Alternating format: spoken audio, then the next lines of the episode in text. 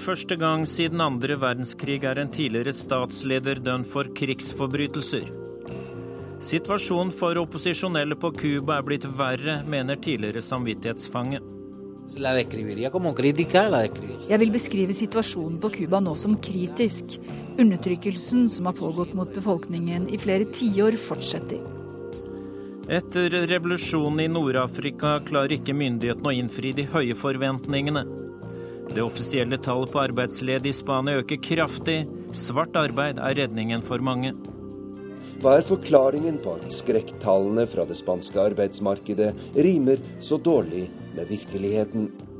Og vi skal høre at matproduksjonen i verden må dobles for å holde tritt med befolkningsveksten.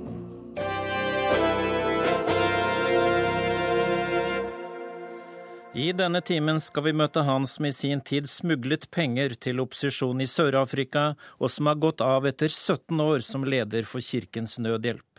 Vel møtt til Verden på lørdag, mitt navn er Dag Bredvei.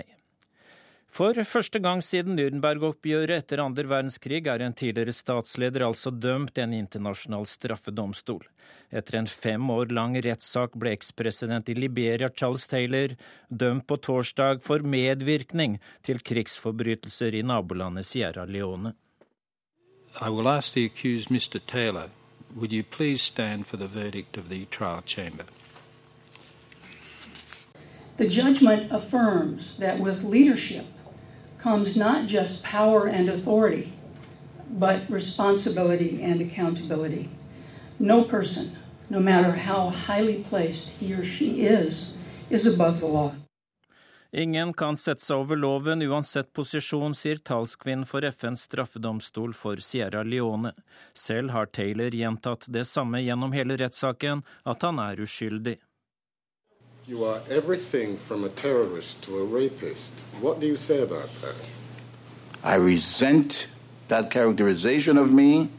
It is false, it is malicious, and I stop there.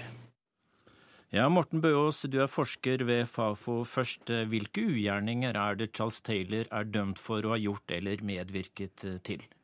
Altså det han er eh, dømt for å ha medvirket til, det er jo ikke ting som har skjedd i eh, Liberia, det landet han var president en stund, men eh, nabolandet Sierra Leone, hvor han er dømt for medvirkning til overgrep som skjedde under den borgerkrigen i Sierra Leone, hvor da han er nå funnet ansvarlig i å ha bidratt til å støtte de opprørerne som igjen da har begått overgrep og grusomheter under denne borgerkrigen i Sierra Leone. Hvor viktig er denne dommen? Det er viktig på flere måter. Altså, den er jo historisk fordi at, som det her ble sagt, at det er første gang siden Nürnberg-domstolen at en, en, president er funnet, en statsleder er funnet uh, skyldig i den type ting, og faktisk dømmes for det. Hvor viktig, Den er også viktig fordi at den er avslutningen på rettsoppgjøret etter borgerkrigen i Sierra Leone. Altså, dette er den siste saken som har blitt ført for denne såkalte spesialdomstolen for Sierra Leone. Sånn sett er den viktig.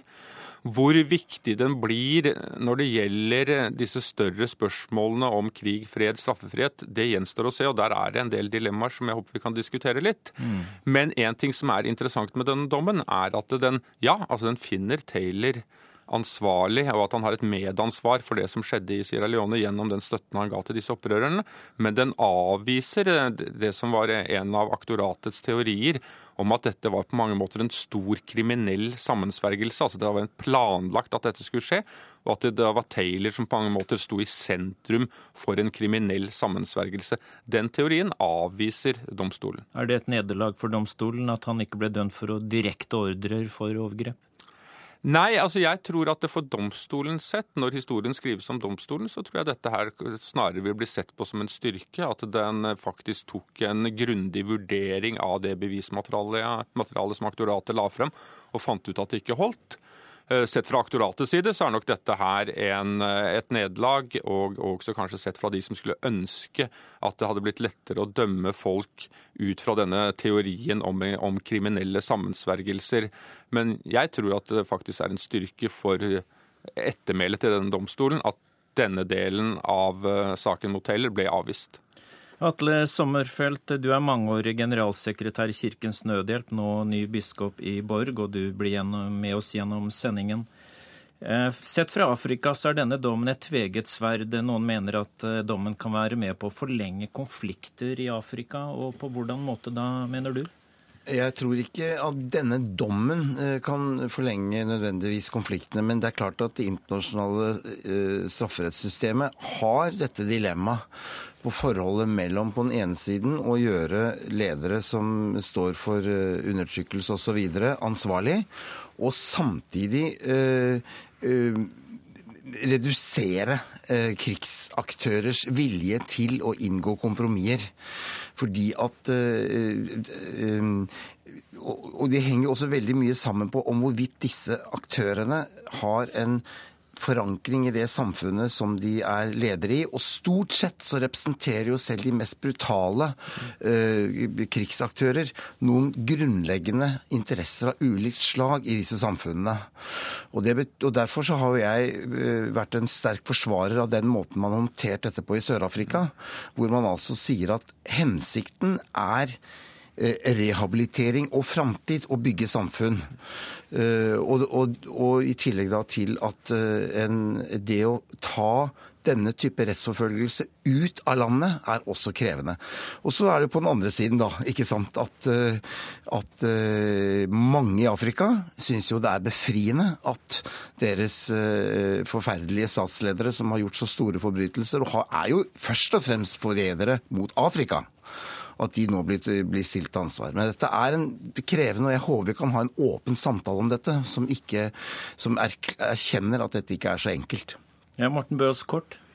Ja, altså Jeg er veldig enig med det Atle sier. og det er jo her, eh, altså Sør-Afrika valgte jo denne sannhetskommisjonen, og det er jo det samme som Liberia valgte.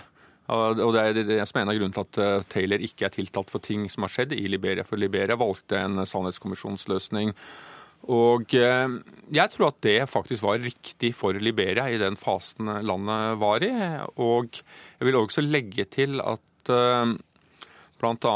Joseph Kony og deler av lederskapet i Herrens frigjøringshær var under Juba-forhandlingene i 2006 ekstremt opptatt av skjebnen til Taylor, var det de refererte til gang på gang, og nok var en av grunnene til at de ikke ville skrive under den fredsavtalen som da lå på bordet. Og det er et dilemma. Takk skal dere ha i denne omgang. Vi, er, vi kommer tilbake til dere om litt.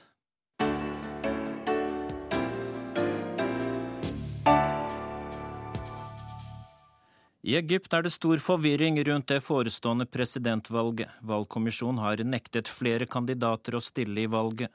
Kommisjonens opptreden gjør det vanskelig for de egyptiske velgerne. Midtøsten-korrespondent Sigurd Falkenberg Mikkelsen har sendt oss denne reportasjen fra Kairo.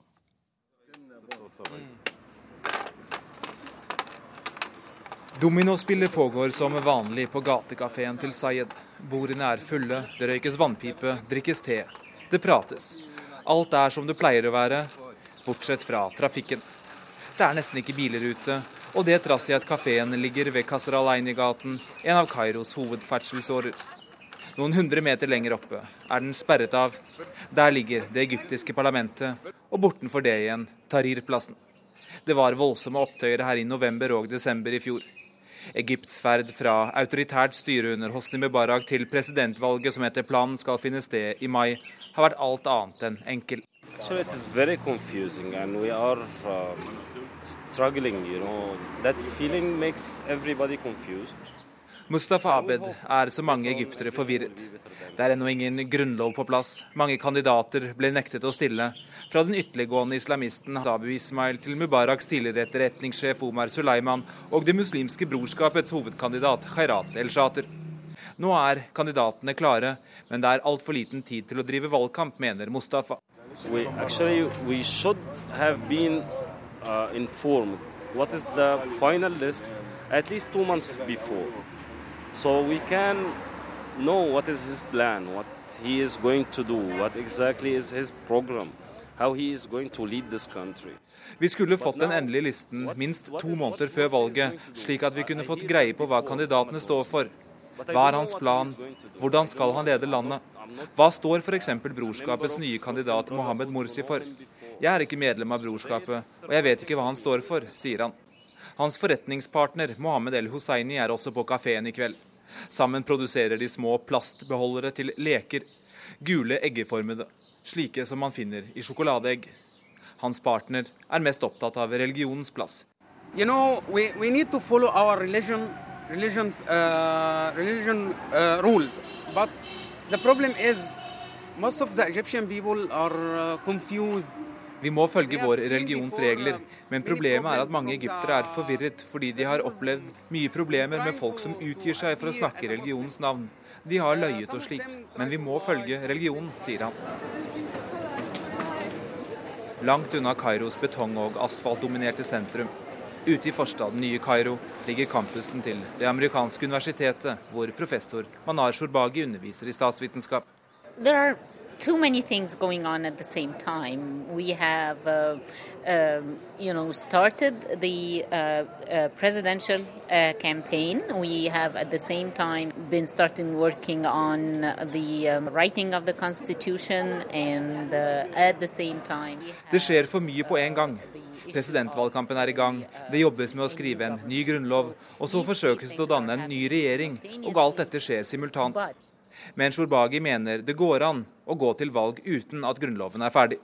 I think uh, out of all the polls, it, uh, it seems that Amr Musa, who was our uh, Hun peker på to favorittkandidater. Amr Musa på den ene siden, tidligere utenriksminister og generalsekretær i Den arabiske liga, og den tidligere brorskapsfiguren Abdul Monaim Abul Foto. Hun har ikke særlig tro på Det muslimske brorskapets nye kandidat Mohammed Morsi, som hun mener er for dårlig kjent utenfor organisasjonens rekker. Tilbake på kafeen. De to forretningspartnerne Mohammed og Mustafa er ikke enige om hvem de skal stemme på.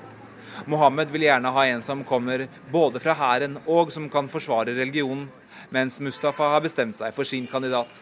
Det blir utbryteren fra Det muslimske brorskapet, Abul Foto. Han er den eneste han føler han kan stole sånn noenlunde på. Yeah, I'll vote for Abul Foto. Why? Uh, okay, he is the only one that I I might trust. I, I can't say the one I trust, but I might trust. De håpte på en ny tid og et bedre liv, demonstrantene som drev frem revolusjonen i Nord-Afrika. Men klarer nye makthavere å innfri forventningene? Dette er en av mange utfordringer i Tunisia, Egypt og Libya.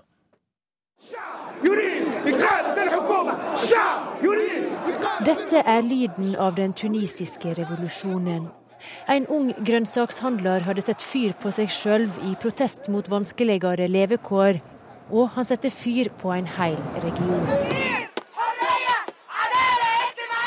Slik lydde svaret fra Egypt. Tahrir-plassen er svart av folk. Revolusjonen kosta kring 800 mennesker livet, men de ble kvitt president Hosni Mubaraks langvarige regime.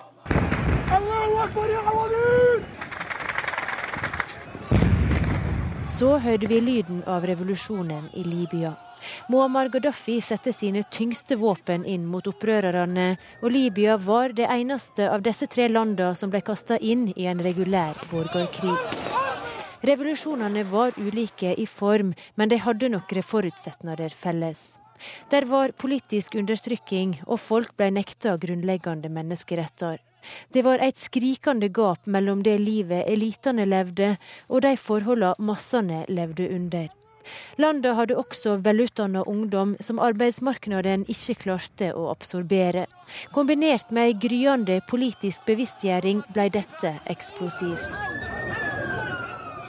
Nå sitter de også igjen med noen felles utfordringer, forteller Isaka Suare ved Institutt for sikkerhetsstudier i Sør-Afrika because these countries don't have a history of democracy. Disse landene har lite erfaring med demokrati, og de kommer til å gjøre feil.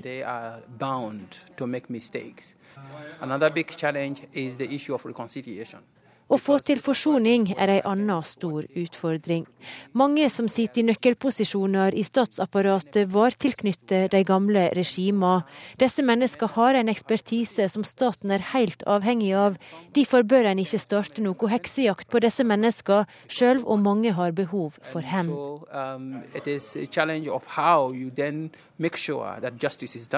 but also that you don't engage in a process of witch hunt um, reprisals, etc., etc., that may not be and vendetta, that may not be good for the state. And then you have also how the new authority can manage expectations. For sist, men ikke minst, de som gikk ut i gatene hadde sine grunner. De hadde forventninger om at dersom de lykkes i å bli kvitt herskerne sine, så ville også ting forandre seg. Å håndtere disse forventningene er en av de største utfordringene for nye makthavere, sier Suare. It's very much a factor uh, because um, people thought now you have getting rid of corrupt leaders. Now the money will be distributed like that. And also, for example, in Libya, Folk trodde at når de var kvitt de korrupte regimene, ville pengene bli distribuerte ut til folket. Til dømes i Libya, der har folk krigsskader og forventer at staten skal ta seg av dem. Pga. krigen er også infrastruktur blitt ødelagt. Det trengs penger til å gjenoppbygge denne, det trengs penger til å modernisere landet, og det trengs penger til å møte alle forventningene i folket. Men det finnes ikke ubegrensa med penger, og dette gjelder for alle landa, sier Suare. So that is a big problem in all the. Likevel er Libya i ei særstilling. Etter at ulike grupper gjorde felles sak i å slåss mot Gaddafi, har de nå snudd våpna mot hverandre.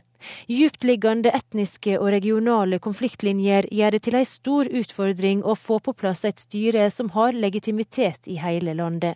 Suare er ikke optimist.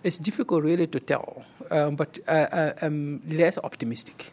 I'm less optimistic given the enormity of the challenges they are facing, and also the signs we see as the, as to the reaction of the, of the, of the leadership to these challenges. Reporter Ragnhild Leikenes hadde møtt Isaka Suare ved Institutt for sikkerhetsstudier i Sør-Afrika. Eh, Morten Bøås, er det umulig for myndighetene i Libya å innfri de høye forventningene? Ja, I hvert fall på kort sikt så tror jeg det er det. Eh, folk eh, forventet seg ikke bare at de skulle få et eh, friere liv, men de forventet seg også at de skulle få et mye bedre økonomisk liv. Og Her er det jo en, noe en forskjell på Libya og de to andre landene, Egypt og Tunisia. Mens i Egypt og Tunisia så var det jo mange folk som også med høyere utdanning som helt falt utenfor arbeidsmarkedet. Så var jo situasjonen i Libya helt and, ganske annerledes med en oljeøkonomi hvor eh, mye av eh, hva skal man si, de jobbene libyerne ikke ville ha, var satt ut til eh, fattige afrikanske migrantarbeidere. Så jeg tror spesielt i Libya så kan dette her bli vanskelig også fordi hele ideen om Libya som sådan er så nært knytta til Gaddafi-staten, og som gjør at du får disse sterke regionale spenningene mellom, mellom de tre historiske delene av Libya. Det er altså Benghazi-regionen hvor dette starta, hvor det allerede har kommet ønsker om, om ikke å bryte ut, så i hvert fall en, en, en sterk regional autonomi. Så har du eh, Triplutana-området med sine historiske føringer, og i tillegg så har man dette Fesan-området i sør, hvor ingen helt vet hva folk egentlig vil for noe der. Så det kan bli en eh, somalisering av Libya? Nei, Det tror jeg i hvert fall ligger fram i tid, og vi får jo håpe at det ikke skjer. Jeg tror eh, altså, forskeren fra Det sørafrikanske instituttet har helt rett når han sier at eh, på mange måter at dette kan fortsatt gå begge veier.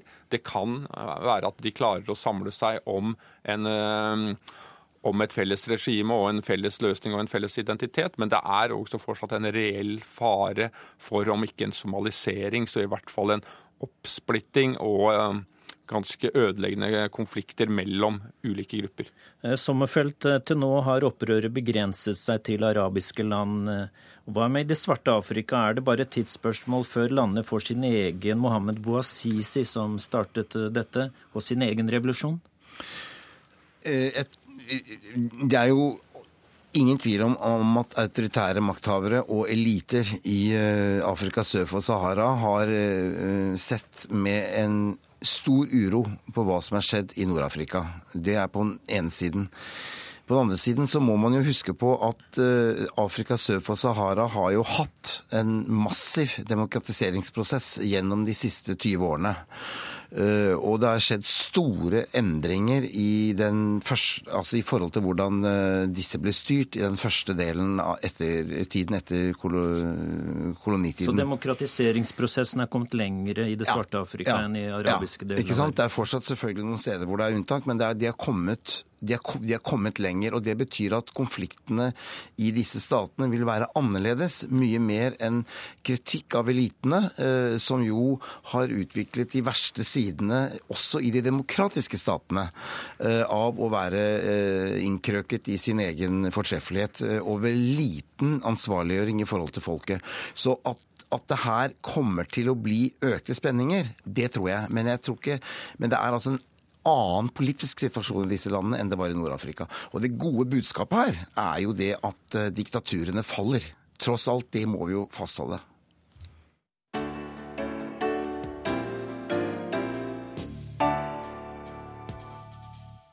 Situasjonen for opposisjonelle på Cuba er blitt verre. Det mener både Amnesty og den tidligere samvittighetsfangen Iglesias Ramires, som nå lever i eksil i Spania og besøkte Norge denne uka. Inger-Marit Kolstad-Bråten har møtt Ramires. Jeg ble arrestert i 2003, forteller Regis Iglesias Ramires. En mann med skulderlangt, svart glinsende hår og en kraftig kropp. Jeg møter ham under et besøk i Oslo. Ramires ble arrestert sammen med 74 andre cubanske opposisjonelle i 2003, i det som kalles den svarte våren. Luego de muchas campañas, de muchas detenciones, pues finalmente. Han er talsperson for gruppa Kristen frigjøringsbevegelse, og har i flere tiår krevd demokratiske endringer på Cuba.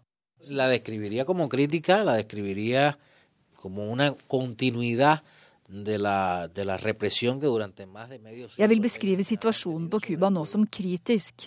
Undertrykkelsen som har pågått mot befolkningen i flere tiår, fortsetter. Og som alltid blir opposisjonsledere arrestert, sier Ramires. Med enkle hakker og stråhatter til beskyttelse mot den stekende sola dyrker cubanske bønder salat, agurk og gulrøtter. Før kunne de bare selge til statlige kooperativer. Nå får de for første gang også lov å selge til restauranter, turisthoteller og markeder.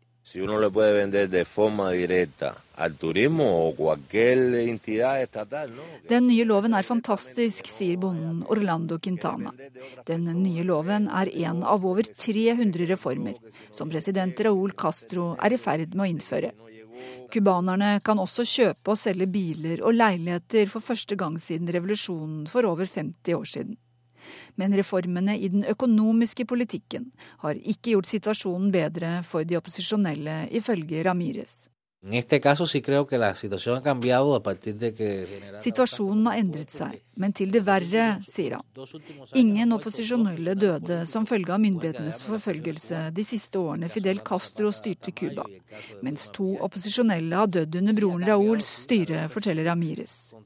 Han hevder at familie og barn av regimekritikere også blir trakassert og fengslet. Amnesty International skriver også i sin siste rapport at cubanske myndigheter har økt undertrykkelsen av regimekritikere. Men cubanske myndigheter avviser dette, og får støtte av Cubaforeningen i Norge. Ja, Det er jeg uenig i. Det, det er ikke blitt verre. Det sier Terje Enger, som er leder av foreningen. Dessuten så vil jeg peke på at uh, dissidenter på Cuba nærmest er eh, blitt et slags skjellsord fordi de er betalte agenter for en fiendtlig og fremmed makt, som er eh, USA. Og vi vet eh, at de betaler agenter på Cuba for å drive undergraving. Og skal skape en situasjon som muliggjør en militær intervensjon fra USA. Men Betyr det at du mener at så å si alle opposisjonelle på Cuba er betalt av USA? Ikke alle. Det, er, altså, det fins eh, Lovlig opposisjon blir, eh, er jo er greit for alle. Det er ikke noe eh, Men det fins en ulovlig opposisjon, opposisjon. Og det er når man tar, får betalt av en fremmed makt for å undergrave samfunnet, så det vil jo være ulovlig i nesten hvilken som helst stat. Også i Norge. Dissidenten Ramires lever nå i eksil i Spania etter å ha blitt utvist sammen med flere opposisjonelle for to år siden.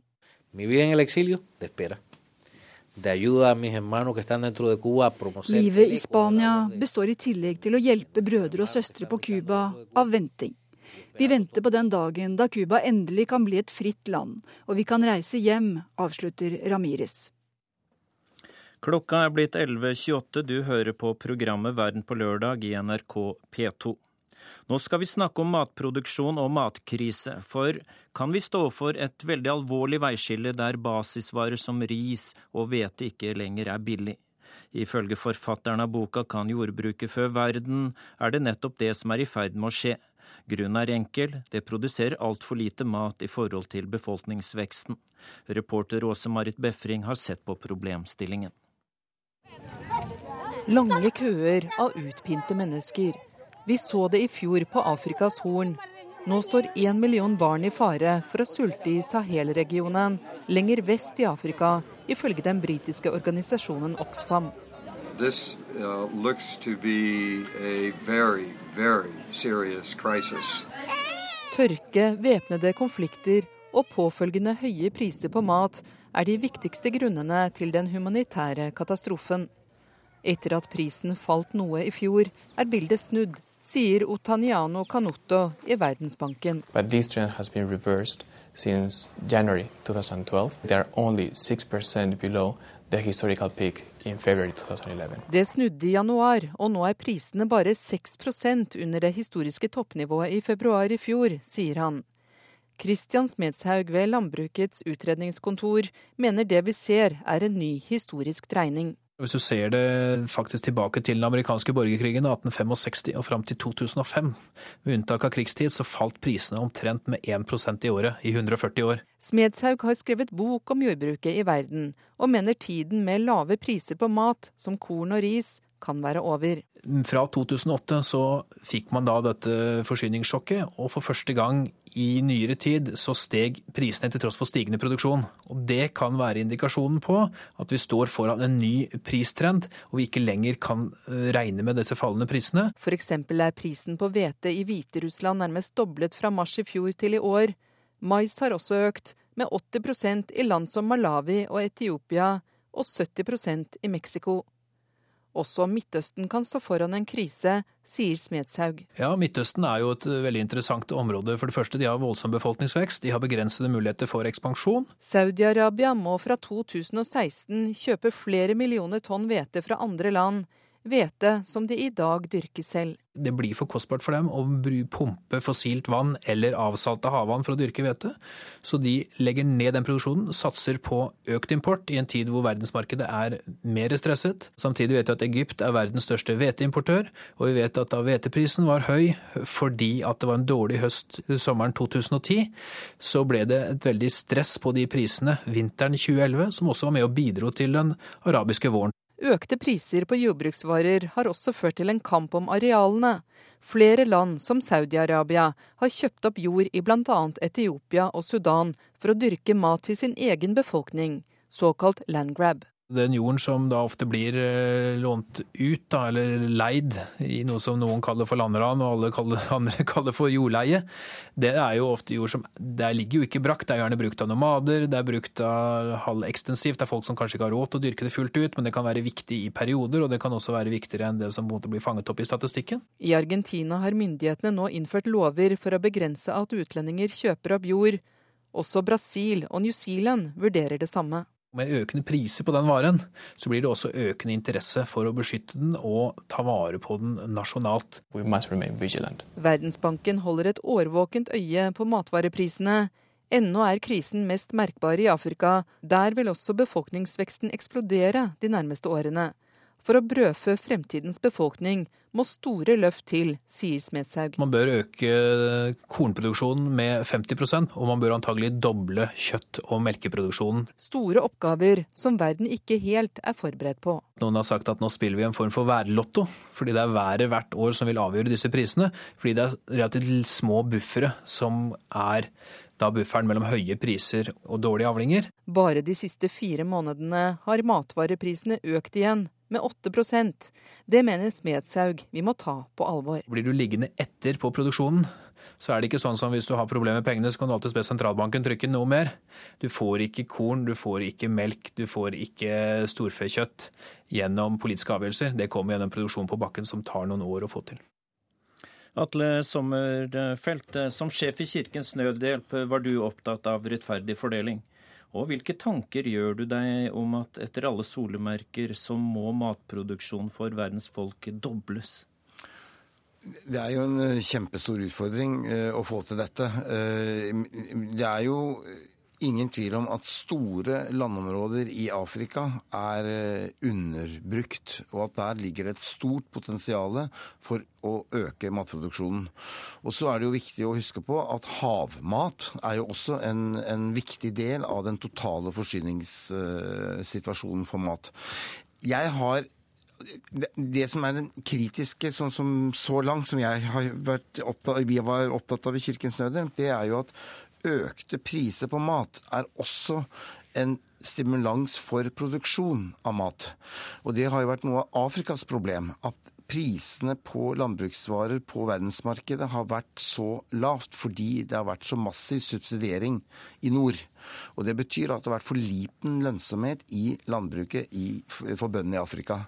Og, en, og, der, og, Derfor så håper jeg at vi nå kan få en situasjon når det er mer politisk stabilitet og bedre økonomisk vekst i Afrika, at man klarer også å stimulere den lokale, kommersielle eh, matproduksjonen. Så det at Sudan leaser ut jordområder til Saudi-Arabia, Etiopia leaser ut til Saudi-Arabia og India, eh, det er ikke bare negativt? Jeg mener at det er negativt i den forstand at eh, det er tvil... Jeg, jeg stiller meg spørrende til hvor mye Sudan egentlig får ut av det.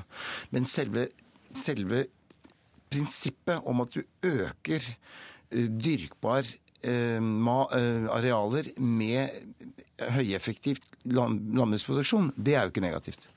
Nei, Etiopia sier at Saudi-Arabia og India, som leaser store landområder, de må gi 40% av produksjonen til Etiopias befolkning. Ja. ja, og dette er jo modeller som man er nødt til å se litt uh, uortodoks på. Uh, det jo Det er ingen grunn til å tenke at ikke man også innenfor landbruk og matproduksjon kan, kan ting, finne måter som man gjør innenfor gruvedrift, f.eks. Helt kort, Sommerfelt, vi skal straks eh, få en reportasje fra Sør-Sudan. Situasjonen er blitt verre pga. striden med nabolandet Sudan, og hva tenker du da om det? Nei, Det er jo en kjempekritisk situasjon. Og, øh, og det hadde jo Det er en ut, stor utfordring her at ledelsen i begge de to statene jo fortsatt er veldig preget av en militær tankegang.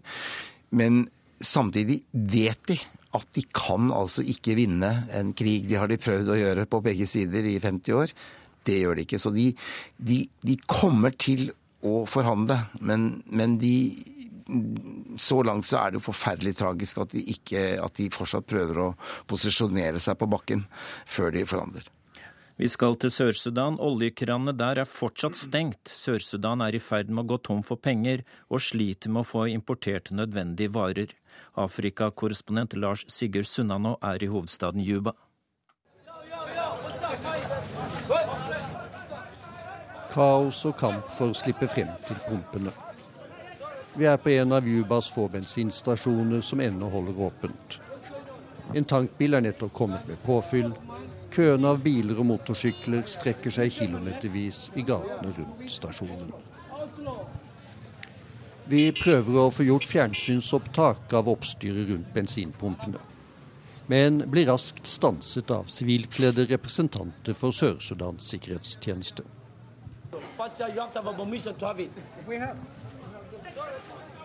Bensinmangelen er åpenbart ingen god reklame for verdens nyeste nasjon, som ble feiret med brask og bram da den fikk sin uavhengighet 9.7 i fjor. Men etter at Sør-Sudan stengte alle oljefeltene sine for tre måneder siden, som et trekk i den bitre konflikten med Sudan, arvefienden i nord, er landet nå på dunken økonomisk. Det mangler dollar for å kunne betale nødvendig import av drivstoff fra Uganda og Kenya. Og det rammer nå samfunnet vidt og bredt, forteller Jan Ledang, som er sjef for Norsk Folkehjelps humanitære operasjoner i Sør-Sudan. Det er vanskelig å få busser til jobben, for bussene mangler diesel. Det er, eh, prisene er dobla på matvarer på markedet. Ja, på alle måter. Mange av eh, regjeringens eh, ansatte har ikke fått lønn. Det er i det hele tatt et press på de få som nå har lønn, og, og som klarer seg i denne situasjonen.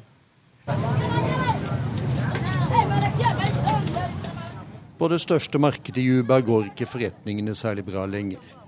Det meste som selges her, kommer utenfra, fra nabolandene i Øst-Afrika. Enten det dreier seg om mat, klær eller andre forbruksartikler. Og siden Sør-Sudans regjering nå legger toll og avgifter på innførselen for å skaffe sårt tiltrengte midler til statskassen, forsvinner også store deler av fortjenesten for oss som bringer varene inn hit til Juba, sier Okoa Oma, en av de mange ugandiske handelsmennene på markedet. Sisi watu ya biashara, taksi iko mingi sana. Biashara yenye tunafanya hakuna faida yake. Det er en økonomi i fritt fall vi er vitne til i Juba. Bare fredsforhandlinger som fører til at Sør-Sudan henter opp oljen igjen og sender den ut på verdensmarkedet i rørledninger gjennom Sudan, kan stanse dette fallet. I øyeblikket synes regjeringen i nord og sør mest opptatt av å skjelle hverandre ut. Men det utelukker ikke at kommende fredsforhandlinger kan lykkes, mener FN-sjefen i Sør-Sudan, Hilde Frafjord Jonsson. Utskjellingen er genuin, men den er også rettet mot et hjemlig publikum. Eh, følelsene er veldig sterke. Og det er klart, i det øyeblikket klimaet forsures, så kommer alle gamle agg og aggresjon og frustrasjon og Um, og, og, følelser det kommer opp i dagen, og det er det som uttrykkes. Men Hvor mye skal det vektlegges? Nei, Jeg vil ikke legge stor vekt på det. Uh, vi har lang erfaring for at retorikken går i taket, og så klarer de å finne løsninger likevel. Uh, og dette blåser over. Uh, men, så det er ikke en del av en militær eller politisk strategi som kommer til å føre til at nå blir det krig. Nei, jeg tror ingen av dem egentlig vil det. Men det er min personlige vurdering.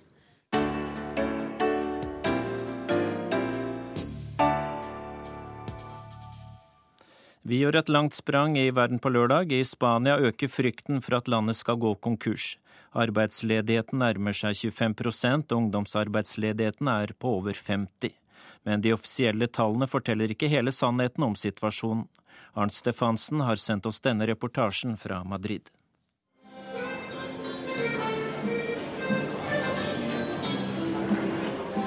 Jeg er i et handlesenter i den spanske hovedstaden. Hundrevis av kunder fyller lokalene, og livlig musikk skaper en hyggelig stemning. Men hvor er krisa? Nærmere fem år inn i den spanske krisa er hver fjerde arbeidstaker uten jobb, og for de unge ligger ledigheten på rundt 50% tall som bringer tankene hen på et samfunn i full oppløsning. Men jeg ser knapt en tigger, heller ikke et suppekjøkken her i sentrum av Madrid. Hva er forklaringen på at skrekktallene fra det spanske arbeidsmarkedet rimer så dårlig med virkeligheten?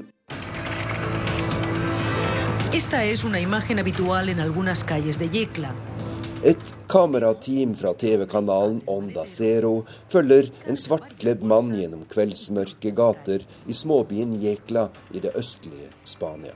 Mannen kjører en stor varebil, og med jevne mellomrom stanser han bilen, bærer store sekker inn i en bygning og kommer tomhendt tilbake. Den svartkledde mannen i Jekla driver en virksomhet som blir stadig mer vanlig her i Spania svart økonomi.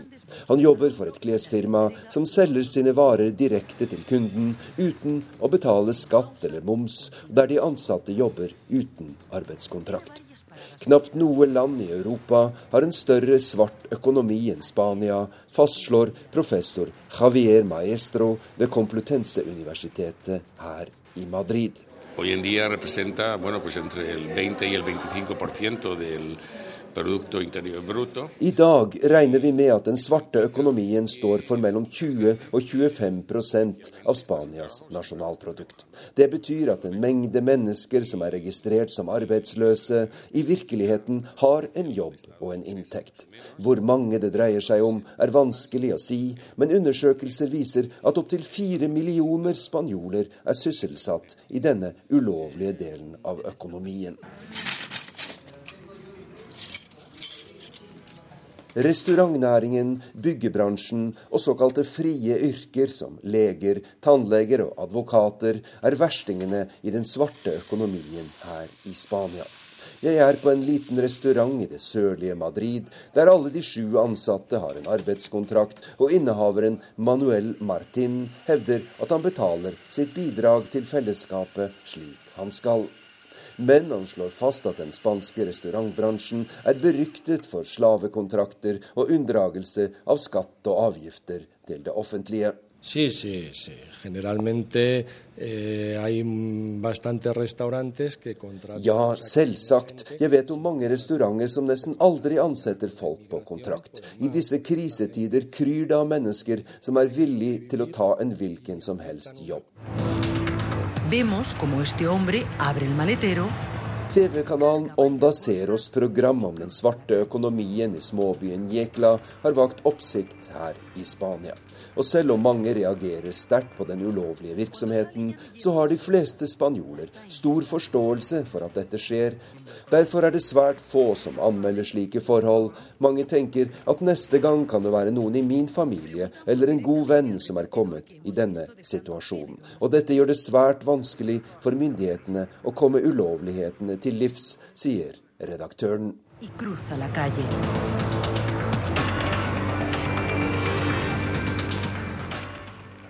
Ja, finanskrisen rammer søreuropeiske land sterkt, som Spania vi hørte om her. Og Atle Sommerfelt, fører det til at mange land er blitt mer innadvendte? At de har nok med seg selv, og at det går utover bistand og giverglede? Jeg tror nok at, øh, at det, det, det, er to hovedfarer med dette. Det ene er at man ikke har kapasitet øh, til å se at øh, økonomiene må omstilles på en slik måte at den tilpasser seg klimakrisen. Det er jo det første. Og det andre er at Sør-Europa har jo aldri vært store bistandsytere, men det som de har spilt en veldig viktig rolle som en bro for innvandring fra ikke minst Afrika. Og faren for at denne økonomiske nedgangen nå fører til xenofobia og rasisme og økt krise i den retningen, tror jeg er den største direkte virkningen som vi nå ser det. Ja, Vi hørte at det er nesten 50% arbeidsledighet blant ungdommer. Ja. Og da vil det gå utover innvandrere og deres sant? muligheter for å få jobb, ja. Ja, og da vil uh, hakke, hakkingen gå videre. Og så, så er jo for så vidt den andre siden av dette er jo det at den afrikanske økonomiske veksten gjør jo at hele bildet endrer seg. Så det er jo veldig, veldig spennende og veldig dynamiske endring som skjer i den globale økonomien for tiden. Du har altså nylig gått av etter hele 17 år i sjefsstolen i Kirkens Nødhjelp, og før vi hører litt om tiden i Kirkens Nødhjelp, skal vi se litt tilbake. Du jobbet i Mellomkirkelig råd og var stasjonert i Botswana, og der smuglet du penger fra det norske utenriksdepartementet til opposisjonen i Sør-Afrika sammen med Trond Bakkevik. Og når du ser tilbake, hvordan var det? Er det gode minner? Det er kjempegode minner, og det var veldig meningsfullt. Og øh, jeg hadde jo Jeg møtte en av de som var de sentrale aktørene her. Øh, Frank Chikane, øh, som nå har gått av øh, i Sør-Afrika. Og det er klart at også erkebiskop Makulu, som var sentral i dette. Og de bekrefter jo Jeg treffer jo også noen av de som var mottakere. Og det var helt uvurderlig i den tiden. Mye av disse pengene gikk jo til familiene og til de som var i, i skjul og på flukt. Så det var en, en Så det ser jeg tilbake med ganske stor stolthet, egentlig. Eh, andre ledere kom og gikk, eh, Sommerfelt, men du ble sittende veldig lenge i Kirkens Nødhjelp. og Hvorfor det? Likte du deg så godt? Ja, det tror jeg er riktig å si. Det var eh, Kirkens Nødhjelps arbeid er jo en kombinasjon av øh, å forholde seg til de store krisene og de store kritiske spørsmålene i vår tid, og samtidig følelsen av at man har mulighet til å gjøre noe med det. Og det var en, en, en stor drivkraft. Og dessuten så øh, er det jo en kjempespennende organisasjon, og det var et rikt, rike muligheter til å til å veksle litt perspektiv, fordi det er en såpass stor virksomhet. Ja, Kirkens Nødhjelp er en av de fire såkalte store organisasjonene. og Konkurransen mellom organisasjonene, har den hardnet til? Jeg tror nok at i forhold til de klassisk store organisasjonene, humanitære organisasjonene i Norge, så uh, er det en klar konkurranse. Samtidig som jeg opplevde i min tid at vi ble tydeligere på ulikhetene mellom oss. Og derfor så var også uh, samarbeidet på noen punkter lettere å utøve. Det som jo skjer, er jo også at uh, det kom, har kommet opp mange nye aktører. Og i tillegg at folk jo med nokså stor enkelhet kan kanalisere sitt humanitære engasjement direkte og utenom de store organisasjonene. Og Det er kanskje den største utfordringen disse organisasjonene står overfor. Eh, du har sikkert hatt mange høydepunkt i din jobb i Kirkens Nødhjelp, men det har også vært noen nedturer. I 2008 så var det veldig krasse medieoppslag om trakassering i din organisasjon. Og Hvordan opplevde du denne mediekritikken? Det var jo en eh, veldig krevende tid. Eh, og for meg så var det jo da også en eh, veldig stor læringsprosess. Så jeg føler at jeg kom ut som et klokere og mer modent menneske av den krisen. Ja, for du tok selvkritikk? Ja. Hva slags forhold har du til Sør-Afrika i dag, et land som du hadde et nært forhold til tidligere? Jeg har både til Sør-Afrika og Botswana, så er det jo et hjemland. Og jeg er fortsatt sånn at når jeg er der, så leser jeg avisen for å finne ut om jeg, om jeg skjønner hva som egentlig står der. Og det gjør jeg, føler jeg fortsatt. Samtidig så har det jo vært viktig for meg å understreke at Sør-Afrika er et land som, eh, som, har klart seg utrolig bra. Og jeg merker jo at jeg reagerer litt på alle dommedagsprofetiene og hvordan det går i Sør-Afrika. Veldig kort til slutt, blir du Norges svar på Desmond Tutu nå? Desmond Tutus eh, sko er betydelig større enn mine. Men jeg håper jeg har lært litt om at tydelighet og samfunnsengasjement er en nødvendighet for en kirkeleder. Og det håper jeg jeg tar med meg. Han er jo kjent for å være frisk i kommentarene. Kommer du til å være det? Jeg håper jo at jeg kan uh, ha en liten snert i kommentaren også som biskop, ja. Takk skal du ha, Atle Sommerfelt, og lykke til som biskop i Borg med sete i Fredrikstad. Ukens korrespondentbrev er postlagt i Washington av Jon Gelius. Et lite sitat fra den legendariske amerikanske westernhelten John Wayne pryder det vesle metallskiltet. Courage is being scared to death and saddling up anyway. Litt friere oversatt å være modig er å være livredd, men likevel sale opp hesten for en ridetur. Og det er akkurat den følelsen jeg fornemmer her ute på preien i grensetraktene mellom Utah og Arizona. En indianerarving har hjulpet meg opp på hesten og forsikret meg om at den er snill og godmodig. Det er tredje gangen i mitt liv at jeg sitter på en hesterygg. Første gang endte med at jeg som guttunge ble hengende under buken på en fjording som steilet på et gårdstun ikke langt fra min hjemby Arendal. Det satte en støkk i meg, kan du si. Men nå har jeg litt overmodig sagt ja til en to timers ridetur med familien i Monument Valley på vestkysten av USA. I samme ørken som westernhelten John Wayne har ridd i flere av sine filmer, og i et spektakulært landskap som har vært kulisse for et trettitalls amerikanske filmer og TV-serier. Forrest Gump løp innom i sin film, etter at Thelma Louise hadde avlagt området en visitt. Også den tredje utgaven av filmserien Tilbake til fremtiden brukte landskap til å skape den rette stemningen. Det samme gjorde Mission Impossible 2.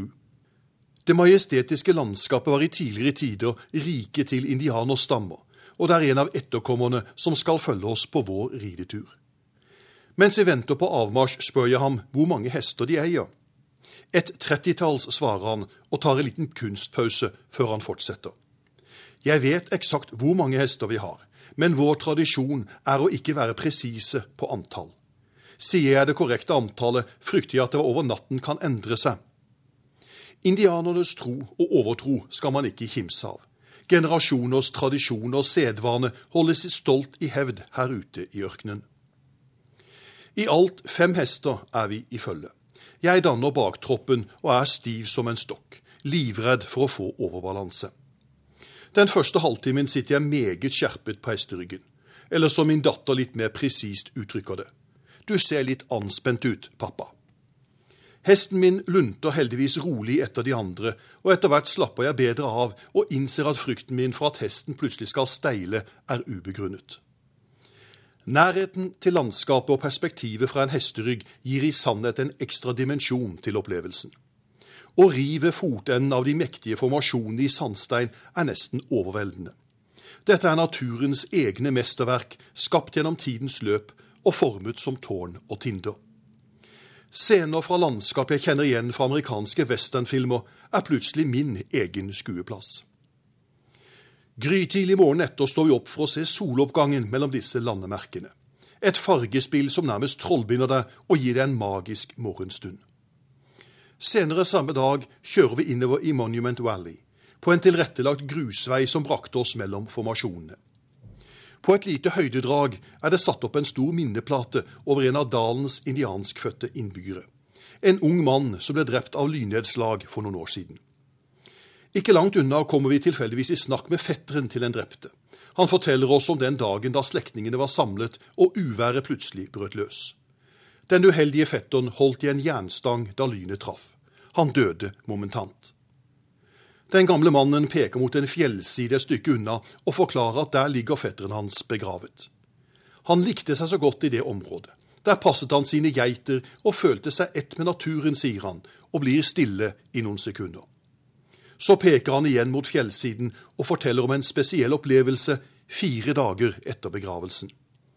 Det har dukket fire ørner plutselig opp, kretset en liten stund nøyaktig over stedet der fetteren min ligger begravet, før de forsvant like raskt som de dukket opp. Jeg har verken før eller senere sett ørner i dette området. Det var en svært spesiell hendelse, sier han, og kaster et nytt blikk mot fjellsiden. Det er mye mektig natur å se på denne kanten av USA. Delstaten Arizona og Utah er fylt med ulike kløfter, fjellformasjoner og dype daler. Den mest kjente er Grand Canyon, en av USAs største turistattraksjoner og en nasjonalpark som hvert år tiltrekker seg millioner av skuelystne.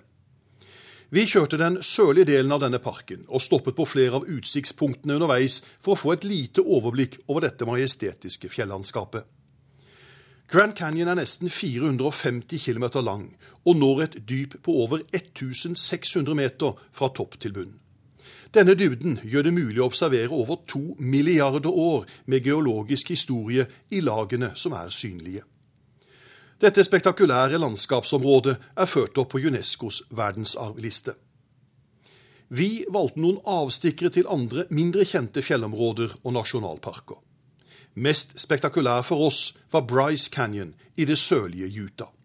Et juv som danner et hesteskoformet amfiteater, hvor du kan vandre mellom fargerike kalksteinformede spir, tinder, buer og labyrinter. Disse naturens byggverk har fått navnet hudus, og minner både om høye skorsteiner og tynne pyramider i sin fasong. Disse unike formasjonene har alskens fargetoner, og noen er nesten som skulpturer å regne. Nesten nede i bunnen av juvet, 98 meter under kanten av Bryce Canyon, følger vi en liten sti til det som omtales som Dronningens hage.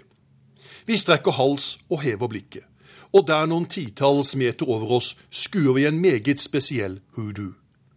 Med litt fantasi ser vi tydelig konturen av en kvinneskikkelse med krone. Mange mener hun minner om dronning Victoria, og ser likheten med statuer av henne rundt om i Europa. Et annet skilt viser vei til Wall Street, og til formasjoner som flere hevder ligner på New Yorks berømte finansgate med sine mange skyskrapere. Det er virkelig et eldorado for turgåere med litt fantasi å vandre blant de naturskapte formasjonene. For oss ble rundturen i disse traktene en opplevelsesreise med inntrykk i kø etter hvert som milene ble tilbakelagt.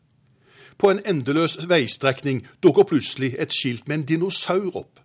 Vi svinger av veien og havner på et goldt, flatt lite platå.